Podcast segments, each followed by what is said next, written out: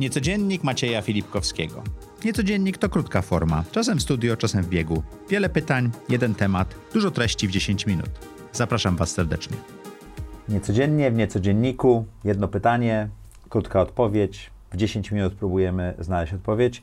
Dzisiaj rozmawiamy z Michałem Rokoszem o tym, jak startup powinien pozyskać finansowanie od funduszu VC, jak to zrobić, z kim rozmawiać, jak się przygotować. Michale, opowiesz nam o tym? My oglądamy jakieś 600 do 1000 tematów rocznie, które do nas Ile trafiają. osób? Sześć osób takiego zespołu analitycznego.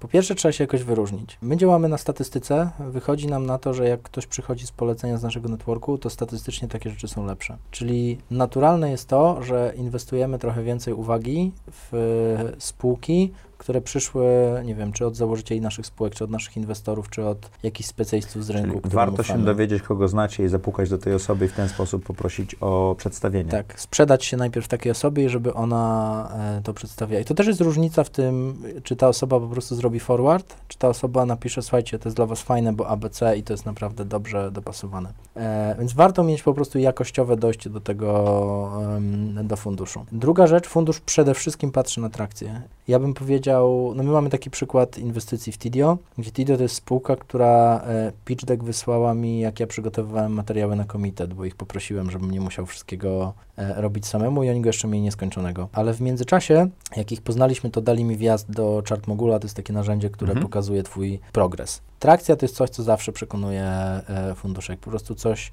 firma stale dostarcza to, co obiecuje, a najlepiej jeszcze to przewozi. To jest lepsze niż wszystkie czary związane e, z procesem. Ale też jest tak, że dobrze przeprowadzony proces, źle przeprowadzony proces to albo zwiększa, albo zmniejsza szanse na, na dopięcie rundy. Też jest tak, że im wcześniej, tym mniejsze są wymagania. E, czyli powiedzmy na etapie seedu, no to też wiadomo, za dużo tych danych się nie pokaże, e, jeszcze jest mały zespół i tak Raczej dalej. się sprzedaje Raczej się opowieść sprzedaje dużą ideę i opowieść. I to jest trochę jak z komunikacją marketingową, jak ze sprzedażą. Trzeba umieć to ubrać, trzeba zrobić dobry storytelling. Jest ileś tam formatów storytellingowych. Ja kiedyś byłem na takim szkoleniu, że wszyscy mówili, że na końcu to jest ta opowieść o tej złej królewnie w wieży i tym rycerzu, który ją ogarnie i tam czy problemem to jest to, że ma się brudne pranie i ta królewna jest tam zamknięta, czy problemem jest to, że fryzjer nie może odebrać telefonu od klienta, bo strzyże włosy akurat i klient się do niego nie umówi i ten klient jest zły i ten i przyjeżdża na białym A koniu. to nie jest jedyny chyba format storytellingowy. To nie jest jedyny, to jest bardzo dobry, Mhm. bardzo dużo storytellingu jest na tym formacie mm, Oparte. oparte i warto po prostu odbić sobie e, swoją historię z kimś, kto, kto, kto, kto umie ten storytelling właśnie e, pomóc zbudować tą historię Jeżeli mamy do wyboru kilka funduszy, do których chcemy pitchować, to zaczynać od tych najlepszych czy tych najsłabszych? W naszej, w subiektywnym naszym przekonaniu. Ja bym powiedział, że pewnie zacząłbym od jednego słabszego i potem poszedł do tych najlepszych. Czyli Okej. chociaż raz zrobić sobie szybkie przetarcie się, Żeby zobaczyć, jak, jak e, działa ta żeby opowieść. zobaczyć, jak działa ta opowieść i, i czy ona funkcjonuje. Albo na przykład ciekawym ruchem może być pójście do funduszu, który nie jest na tą rundę, czyli na przykład można pójść do nas na jakieś office hours czy innego typu e, no my jesteśmy obecni na jakichś tam eventach i po prostu przyjść z takim pitchem i zebrać feedback, bo my i tak wiadomo, że teraz nie zainwestujemy, więc to jest taki ruch, taki no regret move tak zwany. Ale te, to przetarcie się jest bardzo ważne, prawda? Jest ważne, bo pozwala zbudować inną percepcję. To, czego ludzie nie umieją, jak pitchują swoje startupy, to, że oni pitchują produkt, a nie biznes. Czyli idziesz do funduszu i opowiadasz, że mój produkt rozwiąże taki problem, bo jest taki fantastyczny i tu mam sześć różnych fajnych funkcjonalności i dorobię jeszcze kolejne i jeszcze UX-owo będę wspaniały, a nie sprzedaje się tego, że E, Mój biznes jest taki, on będzie warty 2 miliardy dolarów, bo jest na bardzo dużym rynku, może go używać tylu i tylu klientów i w taki sposób dotrę do tych klientów i umiem to zrobić lepiej niż inni, I bo mam ABC. świetnych produktowców w zespole. Bo mam świetnych produktowców w zespole, bo jako jedyny coś rozwinąłem, bo nauczyłem się, że tych klientów pozyskuje się w fajny sposób. I też bardzo często jak się opowiada o produkcie, to mówi się o funkcjach, a nie o tym, co on dostarcza. Czyli na przykład, jak przyszło do nas Booksy, to Stefan Batory miał 100 fryzjerów. To on zupełnie nie miał trakcji, ale to, co on pokazywał, to on pokazał, ci fryzjerzy, którzy są u mnie, mają 60% rezerwacji poza godzinami pracy. Gdyby nie nasz system, one by były gdzie indziej. Ci fryzjerzy, gdy są na Booksy, to wszyscy korzystają z tego systemu coraz bardziej. Czyli on pokazywał, że jak klient wejdzie w jego produkt, to ma oczywistą wartość, że jak klient wejdzie w jego produkt, to, To ma e, trzymanie. jest coraz bardziej od niego uzależniony. Czyli mówiąc do funduszu, to jeżeli opisujemy swój produkt, to pokazujmy, jaką wartość z niego wynosi klient, ile on pieniędzy oszczędził, jak często on z niego korzysta. Jest fenomenalna opowieść o tym, jak podjęto decyzję inwestycji w Slacka na początku, że inwestorzy w Slacka e, wcześniej byli jakoś zaangażowani w e, chyba Yamera. Mhm. I oni zobaczyli, że Slack ma dużo lepszą proporcję ludzi, którzy korzystają z tego codziennie, czyli tak daily active users, do tych, którzy korzystają co miesiąc, czyli monthly active users, że ci ludzie są gotowi płacić za Slacka kilkukrotnie więcej i w momencie, kiedy to sobie przeskalowali, wyszło im, że to może być gigantyczny biznes. Na bazie tych wczesnych metryk, czyli jak I, mamy... I tylko metryk praktycznie. Tak. Czyli jak mamy ten produkt, to do funduszu nie mówmy o tym, że to jest nasza super funkcja, tylko zobacz, jak tych pięciu klientów jest od niego uzależnionych. Jak bardzo oni nie mogą żyć bez tego. Ale Stefan, produktu. tłumacząc Booksy, mógł to robić, bo to był jego drugi startup, a trzecia firma. W pewnym sensie nie rozumiał, jak rozmawiać z funduszami, prawda? Tak, ale to nie jest wiedza tajemna. To, nie, nie, no właśnie ją zdradziłeś. To właśnie, właśnie tego, tego trzeba się nauczyć. Na przykład ostatnio na Seedzie widziałem super pitch deck. Pitch deck był taki, stworzyliśmy jakiś produkt. Ten produkt trafia do 90 milionów biznesów.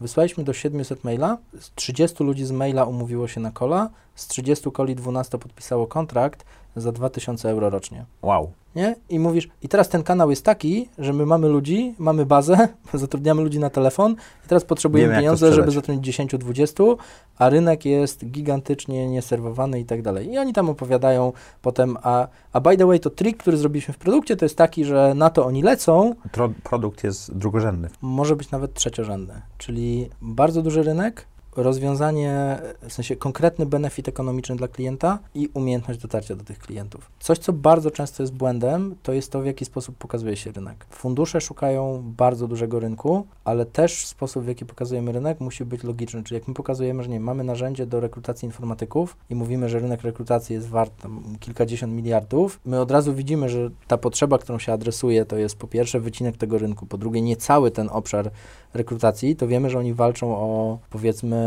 nie wiem, 2% tego, tego rynku. Hmm. Wyjście w drugą stronę, że co roku rekrutuje się 150 tysięcy informatyków, a nasze narzędzie średnio na informatyku pozwala zarobić nie wiem, tam 2, 3, 20 dolarów, czyli tak zwane bottom-up, dużo bardziej działa. Mhm. E, I to jest najczęstszy błąd. Znaczy, wydaje mi się, że ja bym chciał tak zobaczyć szacowany rynek, żebym ja nie czuł, że muszę zrobić swoje zadanie domowe. Czyli jest konkretne Żebyś wyliczenie. uwierzył w ten szacunek. Są dwa, trzy źródła, które są wiarygodne i po prostu widzę, ok, to jest duży rynek. Po drugie, to jest wartość ekonomiczna, którą wnosimy danemu klientowi. Po trzecie, to jest go-to-market, czyli takim kanałem to się zepnie ekonomicznie i tak dalej. I oczywiście często na wczesnym etapie na część z tych rzeczy nie ma odpowiedzi, Im później, tym tych odpowiedzi jest więcej, ale to przynajmniej powinny być jakieś hipotezy, bo w venture capital polega na tym, że my robimy e, w jakiejś rzeczy, mówimy, ok, wierzymy, że to się uda, czyli na przykład wierzymy, że skoro e, założyciel na słuchawce jest w stanie zrobić 10 rozmów dziennie i sprzedać dwa kontrakty, to jak zatrudni kogoś i on, ten ktoś siądzie na słuchawce, to też wykona 10 rozmów i sprzeda dwa razy.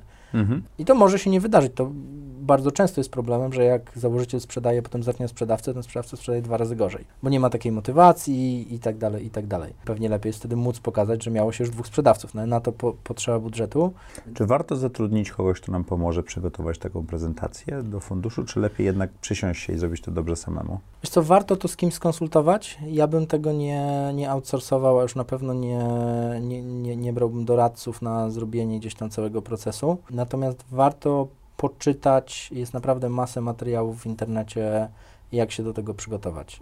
Na przykład jest taka firma Front, my jesteśmy dużymi fanami, oni udostępnili swoje pitch decki z każdej rundy. E, to można po prostu spojrzeć, jak oni tą historię ułożyli, E, taka rzecz, która bardzo dobrze działa na fundusze VC, a mało kto ją pokazuje, to są tak zwane kohorty, czyli pokazanie, że pozyskaliśmy 50 klientów we wrześniu i tych 50 klientów we wrześniu płaciło, nie wiem, 10 tysięcy dolarów w sumie, grudniu płacą 60 tysięcy dolarów.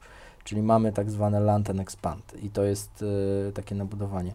I to jest ćwiczenie, które po pierwsze założycielowi pozwala lepiej zrozumieć swój biznes, mhm Ja bym powiedział, że też nie powinno się robić takich rzeczy stricte pod fundusz, powinno się tak prowadzić biznes, żeby samemu je e, gdzieś tam widzieć. No i na nas zawsze super wrażenie robi, że jak przychodzimy i robimy data request, to po prostu ktoś mówi, to macie tu login do mojego na przykład Power BI albo Tableau i tam wszystko jest i my odpalamy i tam wszystko jest. Po prostu widać, że ktoś ma bardzo dobry zrozumienie Rozumie dane, tego, potrafi o nich rozmawiać. jak, jak działa jego biznes. Bardzo Ci dziękuję. Jeżeli jesteście startupem, to to być może jest bardzo dobry początek szukania wiedzy, jak zrobić perfekcyjną prezentację dla funduszu VC. Niecodziennie w Niecodzienniku jedno pytanie, jedna odpowiedź. Dziękujemy Ci, Michale.